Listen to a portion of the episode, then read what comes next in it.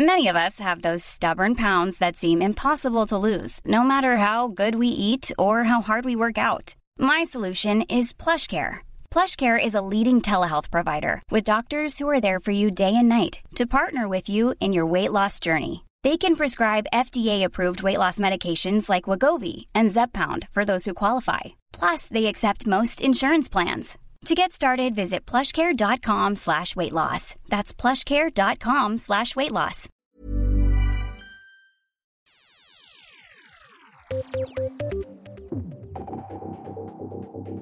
Forsker og historiker Åsmund Borgen Gjerde går imot en rekke profilerte stemmer som hevder at identitetspolitikk er i ferd med å ødelegge akademia.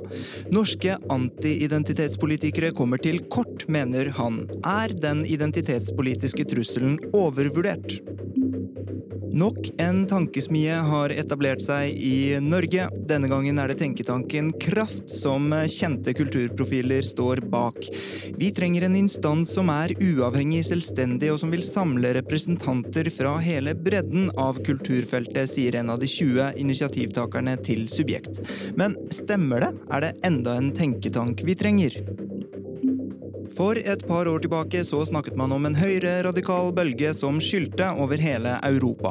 I disse dager er det derimot andre boller, for de sosialdemokratiske statsministrene i Danmark, Sverige og Finland får nå selskap av sin norske kollega i Arbeiderpartiet, Jonas Gahr Støre. I Tyskland kjemper Olaf Scholz om å bli den første sosialdemokratiske kansleren siden 2005.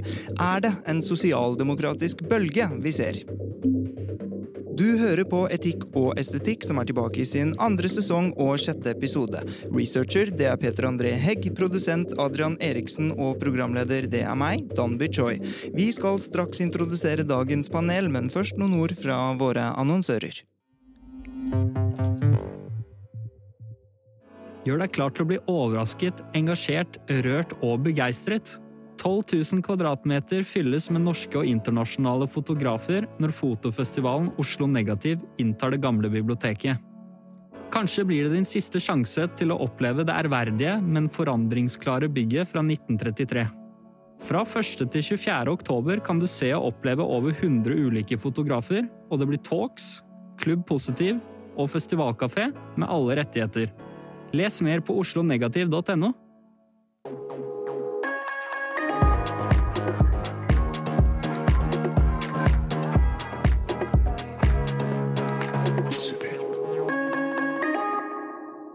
Med meg i studio har vi debattansvarlig i Dagsavisen, nemlig Selma Moren. Den jobben fikk hun allerede som 23-åring for to år siden.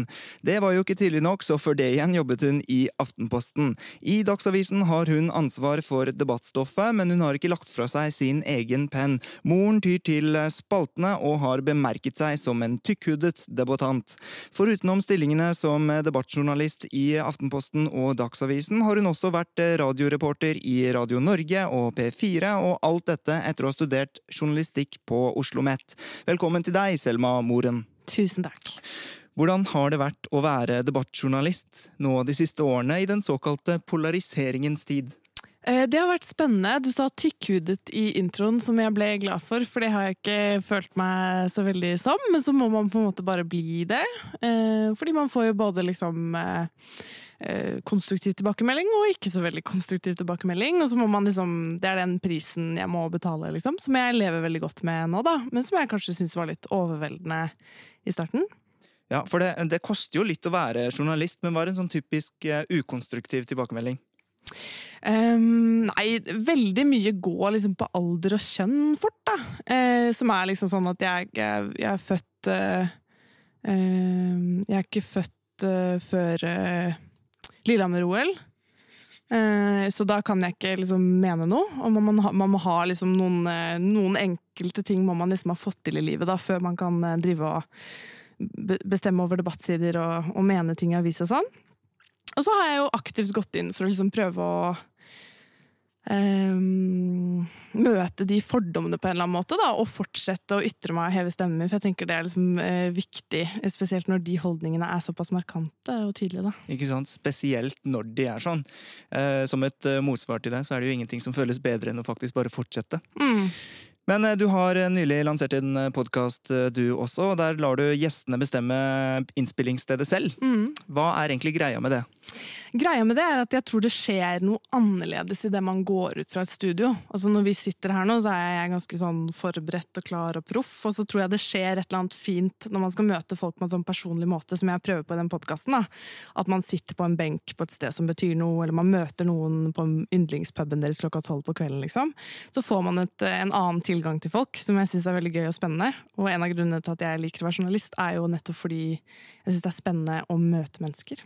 Forberedte, klare og proffe får vi heller være her hos oss i eh, Subjektstudio. Og ved siden av eh, Selma Moren så sitter eh, høyrepolitiker Mahmoud Farahman, som er kjent som en av identitetspolitikkens fremste kritikere. Han vil ha seg frabedt privilegiumsbonuser basert på sin hudfarge, men privilegert nok, det er han jo. Han har sittet i fylkestinget i Vestfold og Telemark, og i kommunestyret til Porsgrunn. Nå er han dessuten nyvalgt inn på det kanskje kuleste viktigste tinget, eller det største tinget i alle fall, Stortinget, hvor han skal representere Høyre og Telemark, og i alle fall ikke innvandrer, for å bruke hans egne ord. Han er oppvokst i en politisk familie fra Iran som flyktet fra landet da han var liten. I sine eldre dager har han hevdet seg i samfunnsdebatten som en kritisk røst mot islam. Velkommen til deg, Mahmoud. Takk, hyggelig å være her. Gratulerer så mye med å valgte inn på Stortinget. Takk skal du ha. Så da lurer jeg jo på, har du tenkt å skaffe deg en eh, pendlerbolig? ja, jeg har allerede med et flytting hjem til mamma. Nei, jeg slutter med de spøkene der. Nei, jeg har uh, søkt om pendlerbolig, det har jeg på lik linje som mange andre. Men uh, om jeg skal fremleie en eller noe sånt uh, Nei da, det blir nok det. For jeg bor i Porsgrunn tross alt. Det er to timers kjøring hver vei. Og så kommer jeg nok til å være mye i Porsgrunn, men noen dager i uka kommer jeg nok til å være her. Det kommer jo med så mange skattefordeler, disse pendlerboligene. Ja, altså, Særlig for dere politikere. Jeg, må, jeg, må, si at jeg blir litt sånn forundra når politikere som har vedtatt skatter og, og, slikt, eh, ikke vet at de skal betale skatt selv. Det må jeg bare si. Eh, du er jo både innvandrer og høyrepolitiker. Har du møtt mye motstand for en slik kombinasjon? Nei, jeg har ikke det. Altså, jeg, jeg, jeg tror uh, hvis, man, hvis, jeg hadde søkt etter å finne motstand, altså aktivt gått ut for å se etter det, så har jeg ikke funnet det. Men uh, når jeg har på en måte bl.a. leda Høyres mangfoldsutvalg og hatt et ansvar for å på en måte nå ut til minoritetsvelgere og innvandrervelgere osv., så, videre, så har jeg jo stort sett blitt møtt med positivitet. Det har jeg jo. Men, men, så er det jo slik at som politiker, som, som Selma også her påpeker, så, så, møter man jo litt motbør. Og det motbøret må jo nesten enten ta til motmæle, eller så må man jo slutte å være politiker lenge. Nettopp. Og, og um, hvordan stiller du deg til innvandring, da? som eh, tema? Nei, som innvandring, altså innvandring har jo mange aspekter. En av aspektene innvandring er integrering og inkludering. Eh, skal vi ha kapasitet til å in inkludere og, og, integrere, så må vi også ha en eh, innvandringspolitikk som legger til rette for det. Det er derfor også jeg har sagt at man må på en måte ha en bærekraftig innvandringssystem. og Det betyr at vi må ta imot et gitt antall som vi klarer å integrere, gi jobber, gi utdanning og gjøre livet bedre for her i Norge heter Sofie Elise, og du hører på Etikk og estetikk, en podkast fra Subjekt.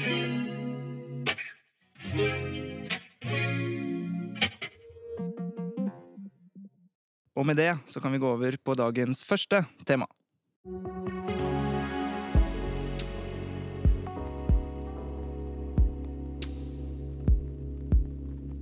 Forsker og historiker Åsmund Borgen Gjerde går imot en rekke profilerte stemmer som hevder at identitetspolitikk er i ferd med å ødelegge akademia. Norske antiidentitetspolitikere kommer til kort, mener han, i en mye lest eh, artikkel eh, i Agenda magasin.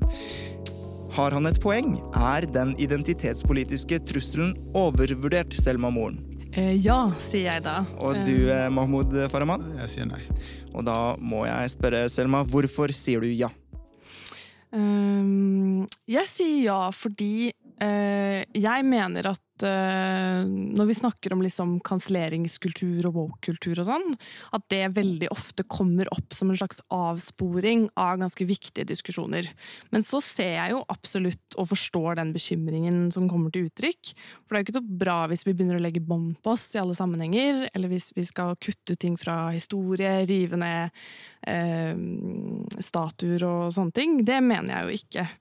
Men jeg har jo fått stempel som en sånn woke-dronning, eh, og eh, det må man jo ha som et forbehold her. Men jeg, jeg, mener jo at de merkelappene, enten det er woke eller rasist, eh, er en stor del av problemet. Fordi at de båsene vi tildeler hverandre, stopper opp Eller legger opp til en veldig dårlig samtale.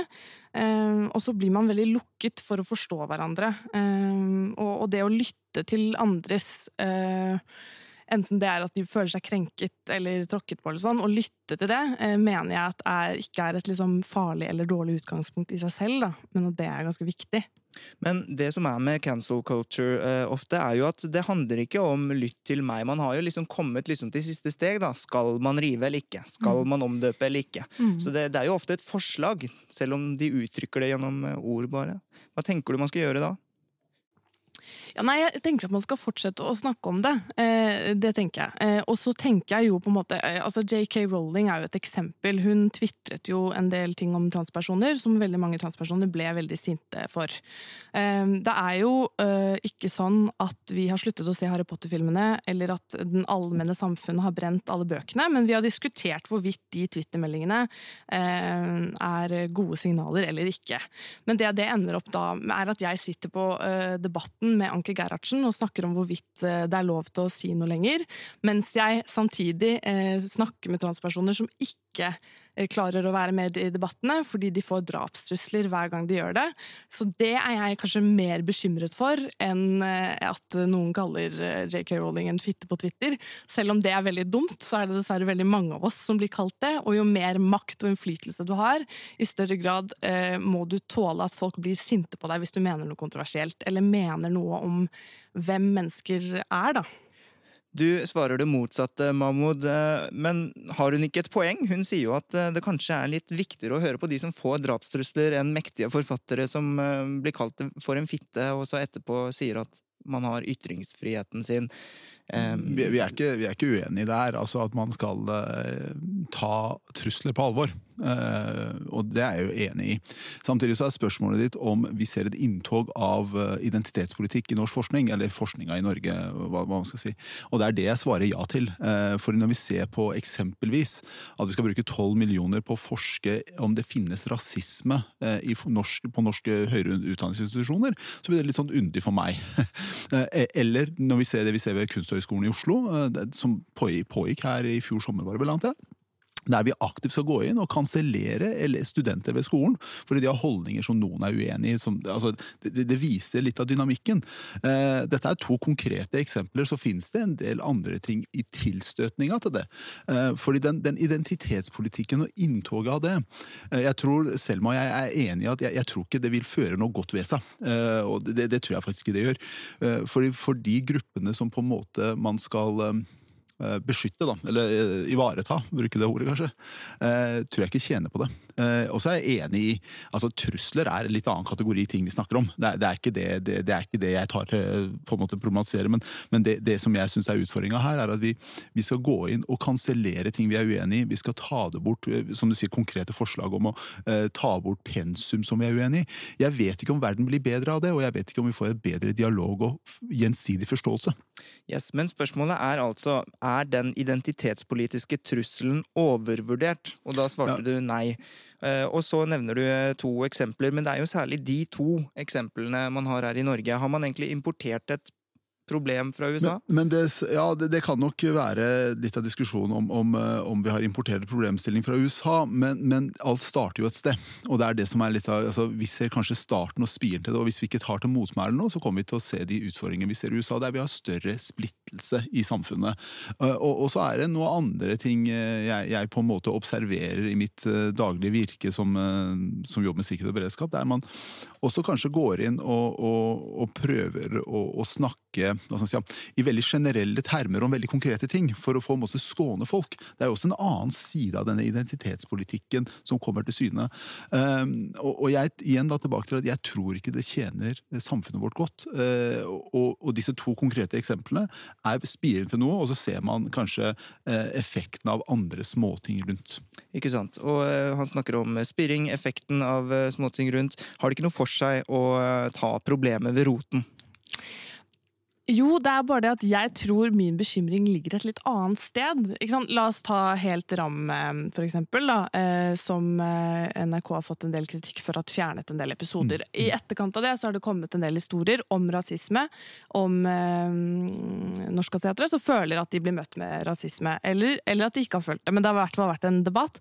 Og, eh, og da ser man at veldig mange av de historiene blir møtt med mer rasisme. Det bekymrer meg mer enn at eh, noen av episodene har blitt fjernet, eh, på en måte. Eh, det er jeg kanskje mer opptatt av. Men så er jeg helt enig i at det selvfølgelig hadde vært veldig dumt hvis vi nærmer oss et samfunn hvor vi kansellerer hverandre.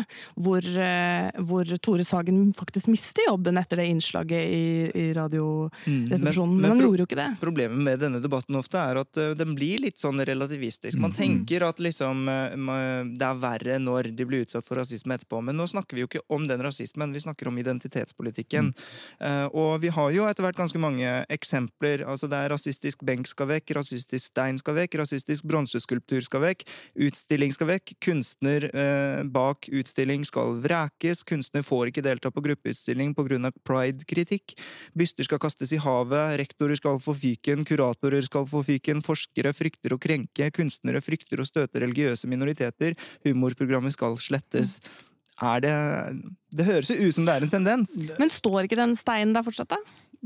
Nei, eh, den er, den, akkurat den er faktisk fjernet, oh, men benken, benken ble fjernet og så lagt tilbake. okay, ja. så, men, men, ikke sant? Uh, jo, men jeg mm. Hvis jeg skal svare på det, så uh, jo, jeg er helt enig at det er, det er dumt. Jeg, jeg, bare tror ikke kanskje at diskusjonen er så dum. Altså at jeg tenker at Det at vi har en diskusjon om det, kan være bra, selv om jeg, jeg, faktisk ikke mener at man burde rive den benken. Eh, men at vi oppdaterer informasjon, at vi snakker om hva vi mener er riktig, og at vi diskuterer det. At vi i hvert fall problematiserer de tingene som vi åpenbart syns er problematisk det vet jeg ikke om jeg syns er så farlig, da, som veldig mange frykter at det er. Men, men eh, problematiseringen er vi nok altså Vi må diskutere historien vår og hva som har skjedd. Det som er kanskje dette med å, med å dømme historiske personer, handlinger osv. i dagens kontekst, det er det som blir litt av utfordringa. dette Ram-showet som altså, jeg, jeg, har sett på flere episoder av det, og, og andre ting også, Syns det er litt morsomt. det. Men jeg forstår at noen seg, føler seg såra, men er det da ikke en del av det å bo i et samfunn, og det å på en måte Noen vil alltid bli krenka av ditt humor. noen noen vil føle seg tråkka på av karikaturer. Er det da ikke eh, en del av det å bo et fritt samfunn? Og så er det jo grenser her, og jeg er helt enig i det, men, men når vi da går til det steget at uh, TV Norge, for eksempel, dette, denne Nisser over skog og hei, eller hva det var, der de gikk inn og laga et kjempenummer ut av noe, og, og, og da, da, sitter jeg liksom på andre sida som, som, innvandrer med det utseendet jeg har, da, og tenker er det noe som blir fornærma på mine vegne? For når jeg har sett på Nisser og skog og hei, så syns jeg det har vært kjempehysterisk. Eller denne, denne serien med han uh, Stoltenberg. Husker ikke hva det heter. En med han, Borettslag og Robert. Ja. Robert Kjempemorsomt. Og jeg, jeg, tror vi kanskje vi, Dialogen kan være enig, men vi må dømme historiske personer i den konteksten de eksisterte, og ikke ta det i vår tids i retrospektsak. Ja, det blir litt enkelt. Feigt. Jeg, jeg mener det. En ting jeg kan liksom nyansere litt med, da, som, som, egentlig peker litt over på din side, som du har fått nei-siden i dag, eh, er, eh, er, at eh, jeg opplever nok noen ganger at man begynner å la seg krenke på andres mm. vegne. Det syns jeg er mer problematisk. At vi skal liksom, At vi ikke er en del av den minoriteten det gjelder, men mm. at vi skal si at vi skal rope høyest på en eller annen måte. Jeg syns det er veldig viktig at de stemmene det faktisk gjelder, er de som blir invitert på debatten, og ikke meg og Anke Gerhardsen. For det er ikke like eh, Og Der er jeg veldig enig. Ja. Altså, det er veldig godt at du sier det, for det er igjen krenka på andres vegne er et litt problem. Og så har vi den andre teorien, da, som bl.a. Nasim Taleb skriver veldig godt om, den intolerante minoritet. Hvordan går vi for en liten minoritet med, med krenka individer kan begrense ytringsfriheten vår, ytringsrommet vårt og uttrykksrommet vårt? Eh, det bekymrer meg kanskje litt. og det det har vi sett i visse sammenhenger. Eh, men jeg, jeg tror ikke du er egentlig så, så, veldig uenig her, Selma. Jeg tror vi er bare litt sånn, litt sånn standpunkter på hvilke sider vi ser det fra. Jeg tror det er det som gjelder, slik jeg opplever det du sier. da. Ja. Eh, ja. Jeg vet ikke. Ja, kanskje vi Jeg vet ikke. Vi snakker om at uh, i uh, denne episoden så er det nok mange som uh, venter seg at vi skal snakke litt mer om akademia. Og man mm. har jo særlig et norsk tilfelle som er veldig kjent og mye diskutert, og det gjelder da disse fem studentene på KIO. Mm. Um, og de, han ene er for øvrig subjektspolitist, og um, um, de møtte altså så masse brunbeising og, mm. og um, trøbbel fordi at de stilte seg mot en ganske 136 studenter som da ville avkolonisere skolen.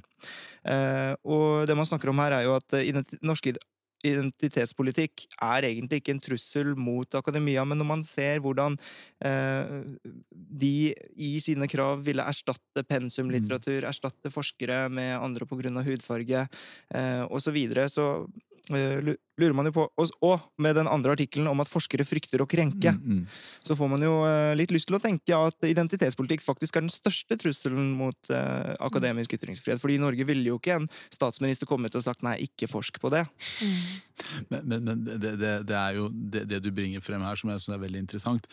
For med en gang vi begynner med disse teknikkene, taktikkene, så begrenser vi ytringsrommet. Vi begrenser forskninga, og til slutt så vil forskninga muligens miste troverdighet troverdighet. Vi er helt avhengig av troverdig forskning i Norge til å kunne på en måte diskutere problemstillinger rundt kriminalitet i minoritetsmiljøer, eller, eller kriminalitet generelt sett, eller, eller krenkelser osv. Og, så og, og de, de, de, denne saken ved Kunsthøgskolen er ganske interessant. Hvordan eh, disse fem står opp og tar til motmæle, og, og, på en måte blir eh, ganske brunbeisa. Jeg har vært og fulgt dette greiene på diverse medier, og Instagram, og dere har skrevet mye om det. Det er ganske interessant å se hvor langt de går. Og da blir liksom spørsmålet mitt når jeg ser på det, avkolonisering av, av, pensum. Det er et interessant tema. Eh, hvordan skal man gjøre det? Hva skal man gjøre? Hva blir kriteriene for å ta inn og ut? Eh, eller er poenget å få litt større mangfold av folk man ser på? For det er begrepsbruken her også. Hvem, ja. Men eh, det de mener, er jo at man, de får jo ikke et mangfold, ikke fordi at kritiske røster til queer-teori f.eks. skal ut av pensum. og så skal det bare være... Da, da, mister du mangfoldet. Ja. Men det han Åsmund Borgen Gjerde da sier, er at norske antiidentitetspolitikere, som etter hvert har hopet seg opp og blitt flere, Rossavik og Rollnes og Toje og Larsen og Mahmoud og Danby og eh, hele den gjengen der, eh, de kommer og sier det samme hele tiden. Og så sier han egentlig at de kommer til kort, fordi hovedkritikken her er egentlig at um, disse menneskene mener at um, forskning og akademia skal ikke være ideologisk eller politisk. Men det har den alltid vært, mener han. Ja, det, det, det, ja, skal du slippe til? Ja, nei, jeg er litt blank på akkurat det. Eller, jeg, jeg, jeg, jeg, kan jo si at ja, det stemmer. Og forskning har jo hatt sine slagsider. Mm. Jeg, er ikke, jeg er ikke uenig i det. Hvis man ser, går tilbake 120-30 år, så hadde man progressiv bevegelse som var i stikk motsatt av denne. De var jo veldig rasistisk orientert. Mm. Eh, og, og, og, for så vidt forskere også. Eh, mange av de. Men, men eh, jo da, det, det, er en politisk slagside, men ingen har gått inn og sagt at jeg skal kansellere deg fordi du er kommunist. Hvis vi går på universitetene rundt omkring, så er jo veldig mange venstreorienterte forskere. Men vi kansellerer ikke fordi de er venstreorienterte. Vi, vi, går heller ikke inn og sier at vi skal ta bort deler av pensum før i Foucault eller hva det måtte være, var, var veldig venstreorientert. Det, det, er det som er forskjellen her. Mm. Jeg tenker jo egentlig at det ikke er liksom utelukkende problematisk eh, eller negativt at eh, studenter engasjerer seg fra hva slags pensum de har, eller hvem som er læreren deres, eller hva de lærer om, eller hvor mange kvinner som blir altså det, Jeg syns det er en god ting å ha den diskusjonen. Eh, jeg syns ikke nødvendigvis Og selvfølgelig syns jeg ikke at folk skal miste jobben sin over en lav sko, eller at vi skal bytte ut alt pensum. Er, jeg mener ikke det, og jeg tror ikke det er veldig mange som mener det. Men igjen, vi settes i sånne veldig polariserte båser som gjør at man ikke får en så veldig klok diskusjon rundt det. Og heller ikke kommer til de konklusjonene da, Danby, som du egentlig ønsker deg eh, i den samtalen her, i hvert fall. Eh, eller ja, du, ja, nå bare roter jeg. Ja. bra. det er eh, altså en i Morgenbladet, debattansvarlig Marit eh, K. Slotnes, som skriver Eikrem-saken i Trondheim, ja. Tyskervitz-saken i Bergen og bråket ved Kunsthøgskolen i Oslo er ikke direkte sammenlignbare, men til sammen viser de at akademia har et stykke å gå når det gjelder å utvikle og håndheve ytringskultur. Dukker man ned i detaljene, oppdager man mye surr, uten at det på noen måte gjør sakene trivielle for dem det gjelder. Misforståelsene, vranglesningene og vrangviljen hoper seg opp, og når formelle varslingsrutiner og juss kobles inn, går det som regel galt, fra mm. galt til verre. Mm. Oppstyret rundt disse enkeltsakene er likevel overflatestøy i den dypereliggende debatten om akademisk frihet, skriver da hun i Morgenbladet. Mm. Er det sånn, Blir det for mye surr i debatten? Er det for mange som ikke kan juss, som begynner å snakke om juss? Ja, jeg, jeg skal ikke uttale meg så mye om jussen her, men, men jeg tror eh, jeg, jeg har studert tekn, teknologiske fag, altså, altså nat, naturvitenskap, så, så, så, det er litt vanskelig. Enten så er det ener, så er det ikke en. så enkelt som det.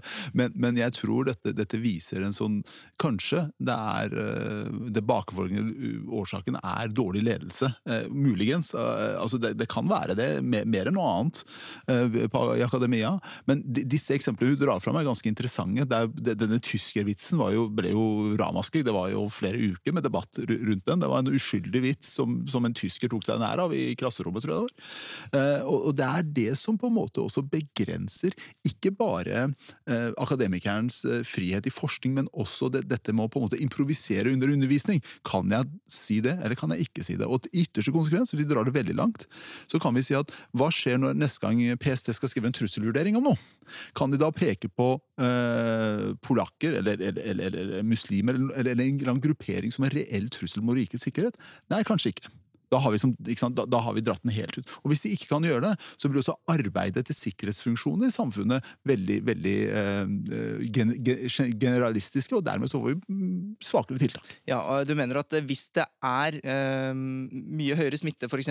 i Groruddalen, så skal man kunne si det fordi det er bra for samfunnet å vite hvor det brenner? Ja, nettopp. Og, og, ja, Har han ikke et poeng? Er det ikke litt sånn, Jeg, jeg har også tenkt at liksom, hvis det er bilbranner blant f.eks. Eh, radikale muslimer, at man liksom Når man unngår å si det, så sier man også at uh, nei, muslimer de bare må tenne på biler. de Så liksom pass på å ikke såre det. liksom. Ikke provoser. Ja. Jeg tror det kommer litt an på hvordan vi formulerer oss og hvilken, i hvilken sammenheng det er. på en måte. For det, det er jo godt mulig å gjøre f.eks. i journalistikken, å skrive om sånne ting uten å på en måte skape en sånn kommentarfelt, eh, stygt kommentarfelt automatisk. Altså, vi kan gjøre noen grep. Jeg tenker ikke at vi skal liksom slutte å ha liksom noen, noen, kritiske tanker i forhold til hva det er som på en måte skaper hets og eh, polarisering blant minoriteter også. Um, jeg mener jo, Men det er jo selvfølgelig ikke sånn at vi skal overbeskytte heller, så det er vel en mellomting der. Ja, og, og, Men, det, men hun, hun, har vel et poeng i det, Mahmoud, at, at marginaliserte minoriteter gjerne må få litt mer omtanke? Ja, ja, og så tror jeg ikke kommentarfeltet er hele sannheten. da. For jeg ser jo litt av hvert. Dagbladet hadde en artikkel med meg her om dagen der jeg ble satt i, det var bilde av meg fra Afghanistan, masse skjegg og masse hår, og så står det 'spion på Stortinget'. og da, Kommentarfeltet er det var veldig veldig spennende og interessant, men, men, men poenget mitt er at jo da, vi skal ta hensyn, men det hensynet må også ta med seg at vi ønsker at minoriteter i et samfunn behandles som øvrige deler av samfunnet. Da må vi også kunne sette ord på problematiske forhold. Og jeg ser kommentarfeltet-poenget ditt, Selma, og så mener jeg at kommentarfeltet er ikke alle i Norge kommentarfeltet er noen få tastaturkrigere, stort sett. Det er, det, la oss si noen få hundre som på en måte sitter der. Uh, og jeg, jeg, vi vil gjøre minoriteter en bjørnetjeneste ved å ikke påpeke de problematiske sidene ved, ved kultur og ukultur. Uh, det gjelder både minoriteter og majoriteter, altså. Mm. Ja, jeg, jeg, tenker bare at det er viktig liksom å understreke at jeg syns det er veldig fint at på en måte eh, du sier at du kjenner deg ikke særlig utsatt, liksom. Og så tror jeg det er viktig eh, at noen gjør at når ja. noen sier at de føler seg utsatt, at det også er akseptert på en eller annen mm. måte. Og at det du leser i kommentarfeltet om deg, på en måte, og det som er representert av deg, og du er 15 år og føler deg utafor, mm. det kan ha eh, en eh, innvirkning på samfunnsnivå, selv om det kanskje bare er 30 stykker som eh, er sinte og ensomme på Facebook, liksom, så har det jo um, uten tvil liksom en veldig sånn effekt på folk likevel. På individnivå så har det det, og det er jeg enig med deg. Eh, men så er det litt sånn at vi, vi, vi kan altså si, vi må ta hensyn til individet. Samtidig så, så må vi også kunne tillate ytringsrom og, og, og, og, ikke minst uttrykksform. Eh, jeg kan jo si at eh, jeg mener det er helt avgjørende at vi har en åpen debatt om problemene i samfunnet vårt. Uansett hvem det gjelder. Vil du og din institusjon være synlig der hvor publikum leter etter hva som gjelder akkurat nå? Nå kan denne reklameplassen bli din. Ta kontakt med annonse at subjekt.no, eller ring 02469 for en uforpliktende prat om hvordan du kan nå ut til et kulturkonsumerende og opinionspåvirkende publikum.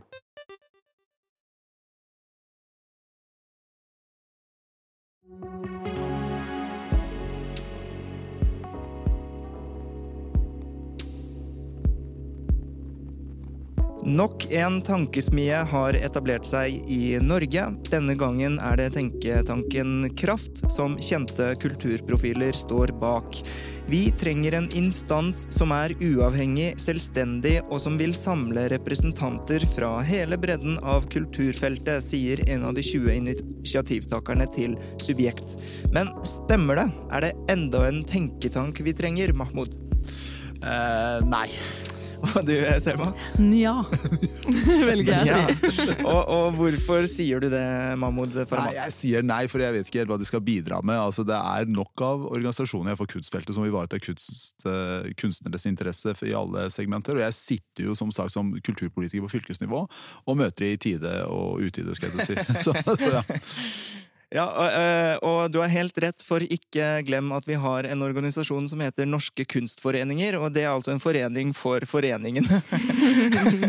det, er- det er 150 av dem, øh, som de er en paraplyorganisasjon for. Hvorfor trenger vi en tenketank for øh, kulturfeltet, Selma Moen? Jeg syns jo egentlig vi har nok tenketanker, eh, men når vi først skal ha 1000 tenketanker, så kan de jo tenke litt ulikt, tenker jeg. Eh, og det er liksom eh, Det er fint eh, med det som er liksom uavhengig, tenker jeg. Eh, og fordi den største svakheten jeg ser ved tenketanker De burde seriøst bytte navn. Det burde bare scratch, og så bare liksom kalt noe annet, for det er så teit. Eh, men eh, at de ofte liksom bekrefter sitt eget ideologiske syn, da, og at de egentlig bare blir eh, og nå holdt jeg på å si runkering, nå gjorde jeg det, men uh, uh, eh, Men det, det, da mister man funksjonen sin, hvis det blir et sånn ekkokammer hvor man bare skal liksom um, bekrefte sine egne ideologiske ideer, da.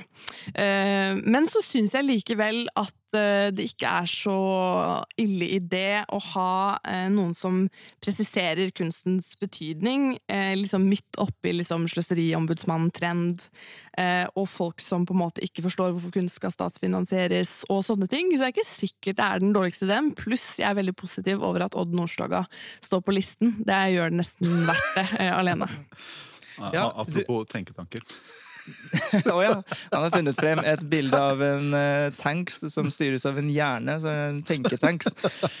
Men, Ja, det, det, det er det du er her for å snakke om der. Vi mente tenketank.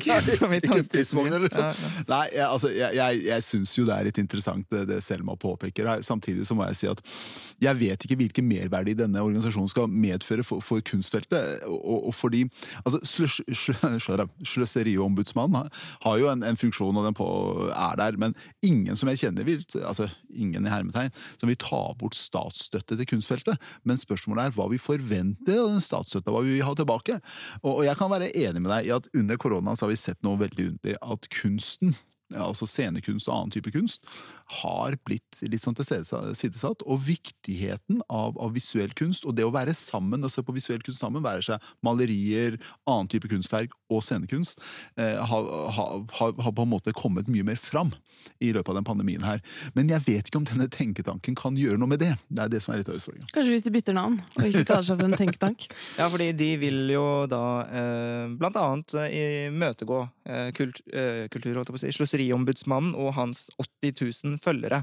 Det kan jo tenkes at um, det skal tenkes og tenke om hvordan man skal tenke seg uh, mot uh, Altså, han har jo Ikke sant, de vil jo skape en mot kraft da, reaksjon, og så er det jo ikke alle kunstnere som gidder, og som skal eller bør hive seg inn i disse kommentarfeltkrigene.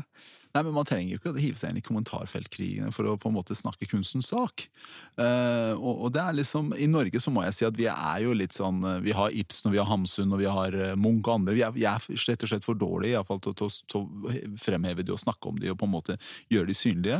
Vi har en del flinke samtidskunstnere som vi på en måte må bedre ivareta. Men igjen, da. Det, det å møte sløs, Sløseriombudsmannen er kanskje ikke løsninga. Han har sitt eget segment og skare osv. Jeg tror ikke du får omvendt de til å liksom Ja, det var det, det, var det Selma Moren kalte for en eh, runkering. Men, eh, men altså de, de Ja, bra, sier, ja, det, det er det de sier. eh, selv så sier Kraft eh, at de er politisk uavhengige. Men vi vet jo ganske godt at kunst- og kulturfeltet er veldig venstresidelent. Kommer de til å klare å unngå å bli en sånn politisk avhengig tenketank? Å, jeg sitter bare og tenker på at jeg brukte det ordet. Det var helt forferdelig. Hva, Eh, hva skal man si i stedet, da? ehm, det blir jo et ekkokammer, da, på en måte. Ekkokammerkraft? Nei, jeg mener hva er det de skal kalle seg i stedet for Å ja! tenketank? Å, det var det du lurte på! Jeg trodde du mente hva man skal si i stedet for runkering. Jeg. Eh, Nå har jeg sagt det ordet tre Ja, da er- ganger, er nå setter vi en strek. Eh, nei em, eh, Tenketa... Ja, hva søren? Fordi et alternativ er jo da tankesmie, men hjelper det? Nei, nei, det gjør det nesten bare verre. Uh, det må, du, må, du må fjerne hele tenkesegmentet, tenker jeg. Ja. Skal det være en interesseorganisasjon for kunstfeltet? Ja, men, det, eh, Men- da, da blir det jo nummer 1000. Virkelig Ja, ja, nummer 1000, ikke ja, sant? Og det er det som er litt av greia. De vil være noe på utsida. De vil på en måte men, men jeg tror ikke eh, kunstfeltet trenger flere som kan sitte og filosofere om kunstfeltet. Det, det, det, er liksom, det er ikke der vi er. For det er det jeg opplever at de vil. Eh, For det er faktisk kunstfeltet ganske gode på selv. ja, det er det, ja. Og, og ikke de, minst de som skriver katalogtekstene. ja men, de Der tankesmies det mye. Men det du sa med sånn venstretungt, da. Ja. em, da har du jo kanskje en oppgave med å liksom ha en mangfoldig gruppe med folk som skal være den uavhengige tenketanken. Da, da blir jo det kanskje litt ekstra viktig at de nettopp ikke bare bekrefter sitt eget syn, eh, men at de får inn noen em, interessante stemmer som, eh, som kan ha en motvekt til, til alle disse interesseorganisasjonene som kanskje allerede finnes. Og at det ikke blir en ring sånn som den andre ringen. Ikke sant? For å si det litt sånn. Men jeg vil gjerne fortsette litt på hva er forskjellen på Tenketank Tankesmia, det er det samme, og en eh, kunstnerorganisasjon. Hvordan skal de gjøre seg, eh, hvis de skal være litt konstruktive, da, hvordan skal de liksom bidra til eh, dette Men- tenkemarkedet? Jeg, jeg, nå beklager jeg, jeg snakker jeg veldig mye her, føler jeg, men, men, men det, jeg, opplever nok at de vil på en måte fremsnakke kunstfeltets viktighet. Det, Ja. er- det, det er veldig bra. Mm. Uh, men, men da er jo det en interesseorganisasjon for meg. Det som er kanskje forskjellen på denne her og de andre tusen, er at den her kan være en sånn kollektiv felles sak som samler alt fra mal- malere til keramikere til, til, til scenekunst. Men der har vi også noen andre. Eh, og i, I fare for å være litt flåste her, så opplever jeg nok kanskje at her snakker vi om en eh, Sånn som det er innenfor integreringsfeltet. At hver sin integreringsorganisasjon, nesten. Ikke sant? Det er liksom litt der vi er. Eh, Jeg, jeg vet ikke om de Jeg, jeg virker i tvil, Selma. Jeg ser på deg. For hva- kan de bidra med som har konstruktive innspill her? Nei, men altså, jeg tror vi trenger, liksom, Hvis man har kunstutøvere da, som er med eh, Fordi jeg tror vi trenger liksom, kunstnernes erfaringer også. At, man ikke blir, liksom, at det ikke bare er folk som liker å tenke eller skrive kronikk, men at det er folk som, eh, som jobber med ja, Andal Torp og Nordstoga. Da, at de er med og Jo, men altså, vi har jo Creo, som er for Mm. musikere, norske Mm. billedkunstnere for billedkunstnere, Mm. norske grafikere for uh, norske grafikere, og Norske billedhoggerforening for billedhoggere. Altså, det er jo ganske sånn kunstspesifikt, så er det ganske Så er man godt organisert. Men det er litt tilbake til det jeg sa med at hvis vi skal ha tusen av dem, så kan vi i hvert fall ha tusen litt forskjellige, på en måte. Så hvis de tenker at de kan komme med noe, bringe noe nytt til bordet, Det de så er det et godt eh, utgangspunkt, kanskje, da. Eh, men altså, jeg er fortsatt på en ja, da. Hvem- Hvem skal betale for dette her, forresten? Er, plutselig ble jeg veldig interessert i det. Ja, det, det er et godt spørsmål. Det har vi ikke Det, har jeg, det vet jeg ikke. Nei, for, for Hvis de ikke leverer, så vil jo naturlig dø en sånn stille død uten finansiering. Eh, Kanskje da- Peter, som sitter eh, rett utenfor vårt provisoriske studio, kan finne ut av det. Hvem som egentlig betaler for tankesmien, kraft. Ja, og i mellomtiden kan de jo fortsette. Ja, men altså, da, da tenker jeg det, blir en sånn naturlig greie. At hvis ikke de klarer å levere varene, og de har sponsorer og andre skal betale inn, eh, så vil det jo naturlig bare dø ut. Um, Og det er derfor jeg som kommer tilbake til hva er egentlig funksjonaliteten her. Det, det å gå i krig med sløseriombudsmannen er jo ingen funksjon. Det er jo noe man kan gjøre i kommentarfeltet og skrive et par motsvar i Nettavisen eller hvor det måtte være. Eh, Så jeg, jeg, helt sånn, jeg sier nei og holder ved nei, altså. Ja, men, men eh, det jeg tenkte da Man må jo nesten gi de her en eh, sjanse. Og, og hvis en eh, tenketank eh, prøver oss ikke sant? Fordi det, når de møter det jeg har opplevd litt, er at man møter Sløseriombudsmannen, og så har man vært veldig så man, vet ikke hvordan, man har vært i harnisk. Ja. Men man vet ikke hvordan man skal reagere. Kanskje man rett og slett trenger noe som bare kan Tenke. Vosa sa tenke. Tenke en tank. Hvordan, tar vi det? hvordan skal vi angripe dette? Men, men, men øh, altså, ja, tenke hvordan vi skal angripe dette. Men, men som, jeg, som, jeg sier, jeg, jeg tror ikke man får omvendt han og hans uh, tilhengerskare, altså. Men kanskje de viser at det er viktig at vi understreker hvorfor vi trenger kunst. Hvorfor det eller det får så eller så mye penger. Kanskje vi trenger liksom mer informasjon om det. da, For det er kanskje ikke så rart at mannen i gata ikke helt skjønner hvorfor en som har festa festet ballonger til håret sitt. Dette var et eksempel. Vet ikke om det er et kunstprosjekt som faktisk gjør Nei, det, men der har noen en idé hvis de trenger. Um, så uh, så kanskje, kanskje det ikke er så rart at vi trenger å vite hvorfor. Um, så det kan jo være interessant, da. Nå kommer det inn på øret her, uh, altså på Messenger, at eh, oppstarten finansieres av Fritt Ord, men dialogen om langsiktig finansiering pågår fortsatt. Så det er indirekte, sta så det indirekte statssponsa, altså? For Fritt Ord får jo penger fra staten? Nei, eh, det? det, er veldig viktig differensiering her. Stiftelsen Fritt Ord er eh, Ja, en beklager. privat Da, da, stiftelse. da tar jeg feil. Da Men- beklager jeg. Må jeg korrigere. Sorry. Men det det kan jo hende at, eh, det kan jo hende at eh, eh, de tenker statsstøtte etter hvert, da, men eh, uavhengig av det, egentlig. Eller? Nei, altså, det, det er Høyrepolitikerne syns det er viktig.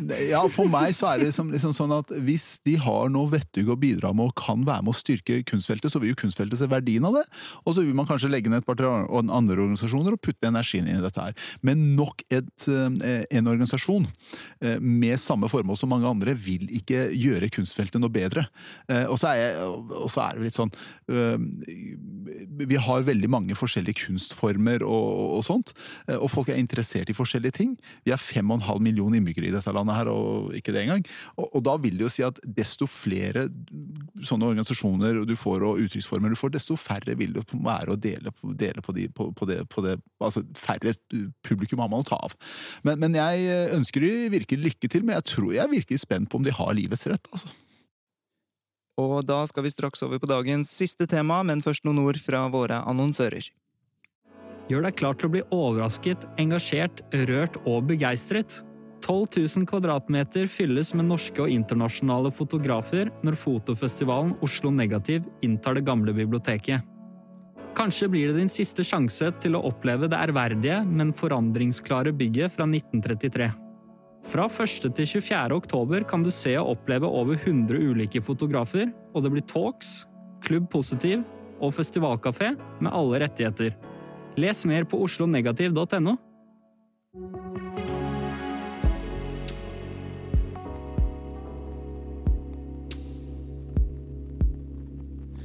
For et par år tilbake så snakket man om en høyreradikal bølge som skylte over hele Europa. I disse dager er det derimot andre boller. De sosialdemokratiske statsministerne i Danmark, Sverige og Finland får nå selskap av sin norske kollega i Arbeiderpartiet, Jonas Gahr Støre. I Tyskland kjemper Olaf Scholz om å bli den første sosialdemokratiske kansleren siden 2005. Er det en sosialdemokratisk bølge vi ser Selma Moren? Jeg går for det vågale svaret ja. Er det en eh, sosialdemokratisk bølge vi ser, Mahmoud Farahman? Mm, ja, neppe. Det, det, ønsketenkning, eller? Nei, men grunnen til jeg sier det, altså, nå skal jeg bare fullføre. Når vi ser på Norge som eksempel, så er det jo Senterpartiet som er det partiet som har størst fremgang i Norge, og Rødt. Det er mer eller mindre to eh, protestpartier. Arbeiderpartiet går tilbake, gjør altså sine dårligste valg eh, noen gang. Eh, når vi snakker om Tyskland, så må vi huske på at CDU har styrt i 16 år. Ren og skjær slitasje. Folk vil ha eh, endring. Eh, når vi ser på eh, Danmark, som er interessant, der har jo sosialdemokratene ikledd seg høyresidens klær. I Sverige så er jo SD, Sverigedemokraterna, det største partiet, altså mest vekst over tid. Så, så ja, eh, men, nei. Ja, ikke sant? Fordi Danmark er et interessant eksempel. De, der har jo liksom statsministeren, eh, riktignok søsterpartiet til Arbeiderpartiet, i eh, Norge bare innført den strengeste Ja. innvandringspolitikken i Europa, typ, og så bare, bare ødela de høyresiden, og så Ja. fikk de alle de stemmene, da. Ja, det det er nettopp det, og, og man kan jo sammenligne mange andre altså perioder i europeisk historie, uten at jeg skal dra den eh, veldig langt. Men, men det er jo eh, sånn at når man på en måte overtar disse temaene, så, så kommer man nærmere. Og i Norge også ser vi at Arbeiderpartiet har jo overtatt en del av Høyres saker og, og, og, og ståsteder til tider. Eh, og Arbeiderpartiet har jo også, basert på retorikken de fører, vært veld, for en veldig streng, iallfall påtatt streng innvandringspolitikk. Og du svarer det motsatte likevel, Selma. Hvorfor gjør du det? Det ser jo kanskje sånn ut, da, hvis man ser på statsministerkandidater, eh, eller øh, øh, rene valgseiere. Men øh, det er jo ingen av dem som styrer liksom, alene lenger, som de kanskje gjorde for da 20 år siden. Så de er jo liksom avhengig av støtte fra andre partier, sånn som du snakker om. Um, men altså, eh, det virker jo som at folk um, har liksom behov for uh, endring når det har vært et styresett i veldig lang tid, sånn som ja. det har vært både i Norge og i Tyskland. Og um, man skal liksom ikke kimse av liksom, koronapandemien og mm. hvordan de forskjellene uh, som har liksom, kanskje blitt tydeligere, da, eller de tingene man ikke har vært fornøyd med, har blitt tydeligere. så da får man jo behov for noe nytt når man har hatt det samme i lang tid. Så den effekten Eh, tror jeg man ser. Eh, men eh, liksom, Arbeiderpartiet for eksempel, er jo ikke så stort som det var i det hele tatt. Liksom. De gjør jo sitt dårligste valg selv om de vant. på en måte.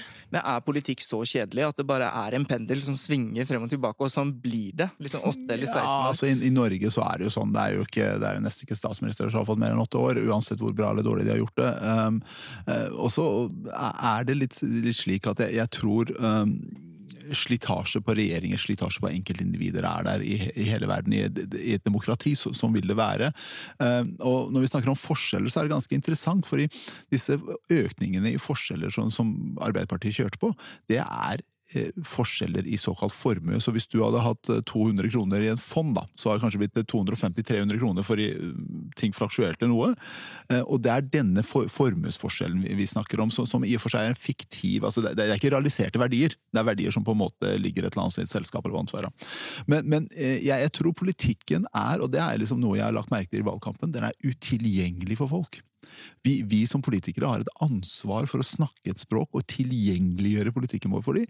Og så må vi være ærlige på hva vi lover. Jeg har stått i debatt etter debatt, og folk har lova og lova og lova. Når jeg har stått og summert opp, så snakker vi om 200 milliarder, men skatteøkningen skal være på syv.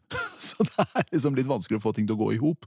Eh, og det er litt av utfordringen. Men som Selma sier, de, de fleste eh, partier i sosialdemokratiske partier styrer ikke alene lenger. De, de har ikke kapasiteten til det. Eh, og, og det vi ser i Tyskland, han som på en måte er eh, statsministerkandidaten eh, der, han er jo eh, langt ifra så populær som sine forgjengere fra samme parti. Jeg har tenkt på dette med pendel og tilbake og sånn at um, et godt bilde på dette kan uh, kanskje være taxinæringen, som skulle privatiseres litt mer. Og så først var man veldig begeistret over at alle kunne bli tilbydere. Man hadde en sånn liberal drøm, og så finner man kanskje ut av at arbeidsvilkårene kanskje er crap. er det det vi ser nå? At liberalismen liksom ikke var så kul? Men eh, ja, det er jo en interessant ståsted å ta, da. Altså at liberalismen ikke var så kult. For det er, og det er liksom stor I Norge så ser vi en stor forskjell mellom Oslo og resten av landet. Senterpartiet har jo økt i distriktene i stor grad. Eh, I, altså i Nord-Norge og i Distrikts-Telemark. Men når jeg ser på f.eks. Telemark, eh, så har jo vi siden sist lokalvalg i Porsgrunn og Skien fått større oppslutning.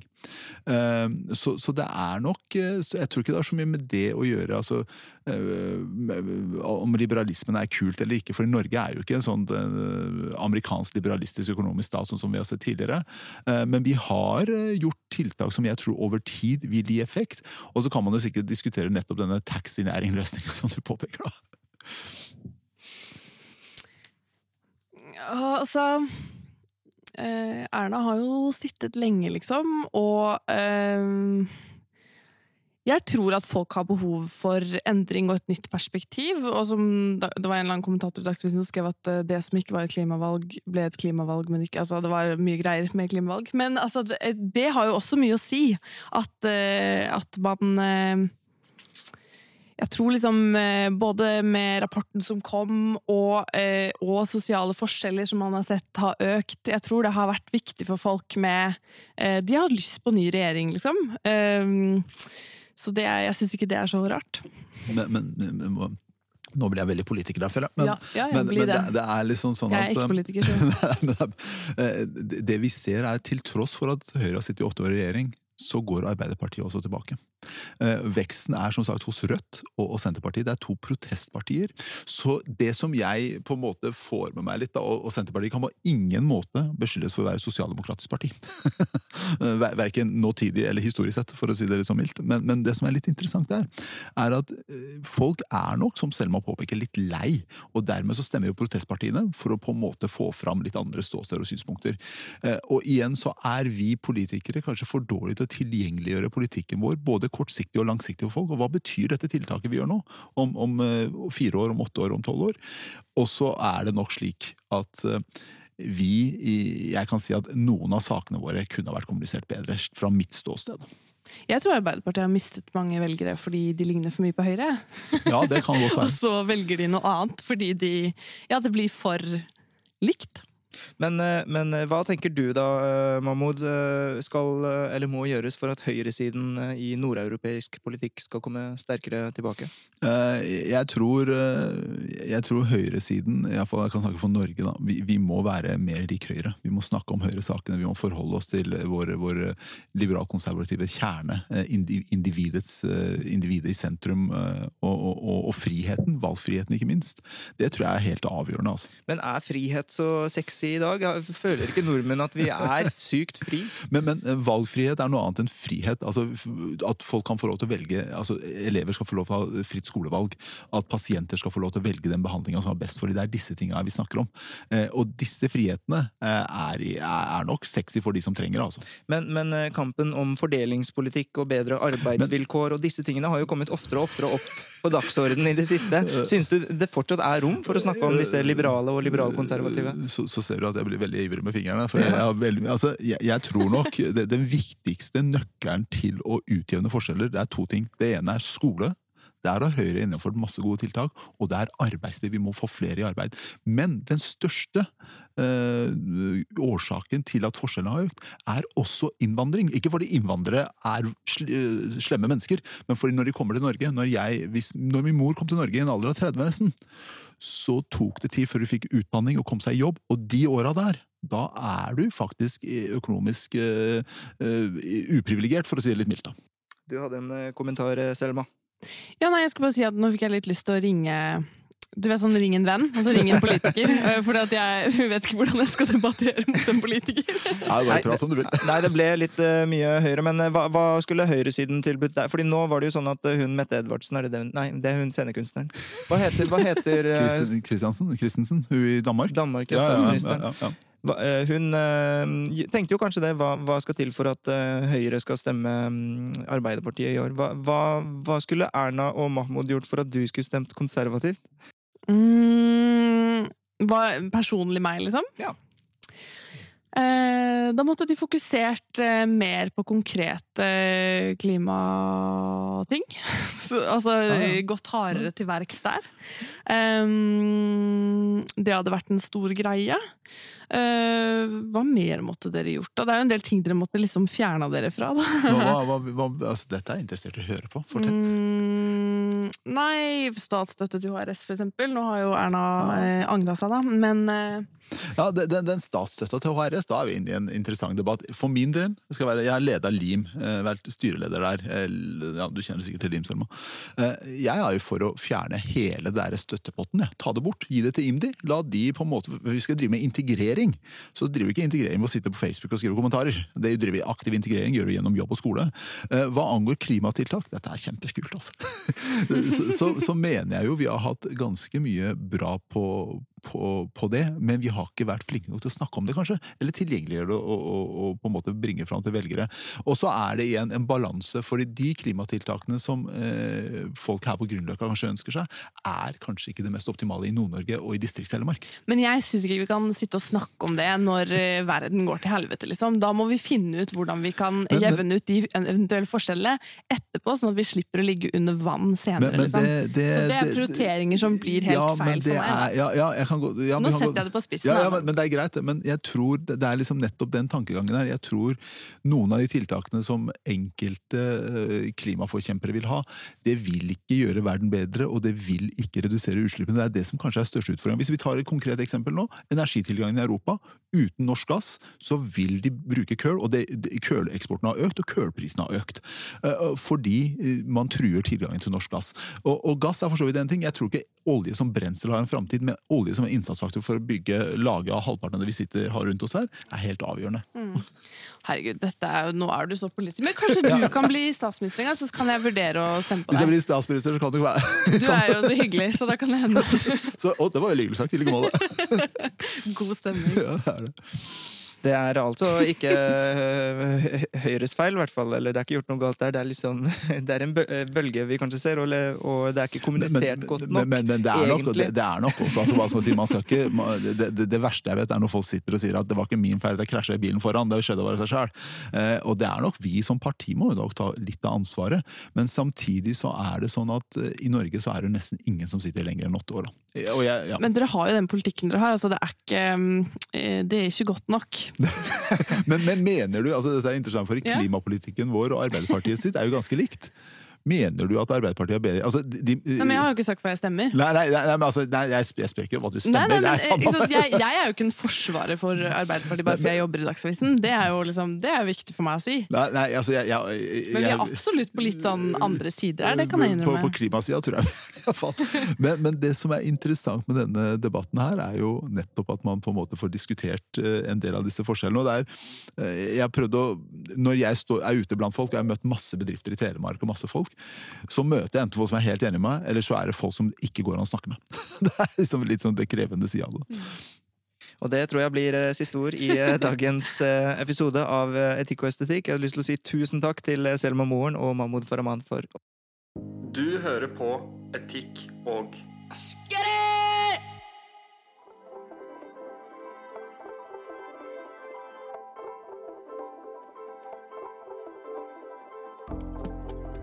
Etikk og estetikk er tilbake i neste uke, og vi lover som alltid nyansert dialog med noen av landets klokeste mennesker, så det er bare å følge med. Og å følge med det gjør du ved å abonnere på Etikk og estetikk der hvor du hører på podkaster, det være seg på Spotify, Soundcloud, Apple Podcaster, Google Podcaster eller hva enn. Jeg vil også oppfordre deg til å bli medlem i Facebook-gruppen Etikk og estetikk, et debattforum hvor vi inviterer våre lesere og lyttere til å diskutere de temaene som opptar eh, podden vår, og som eh, opptar subjekt. da.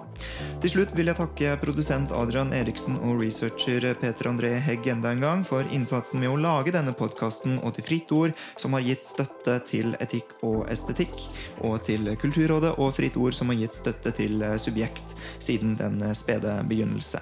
Vi poddes!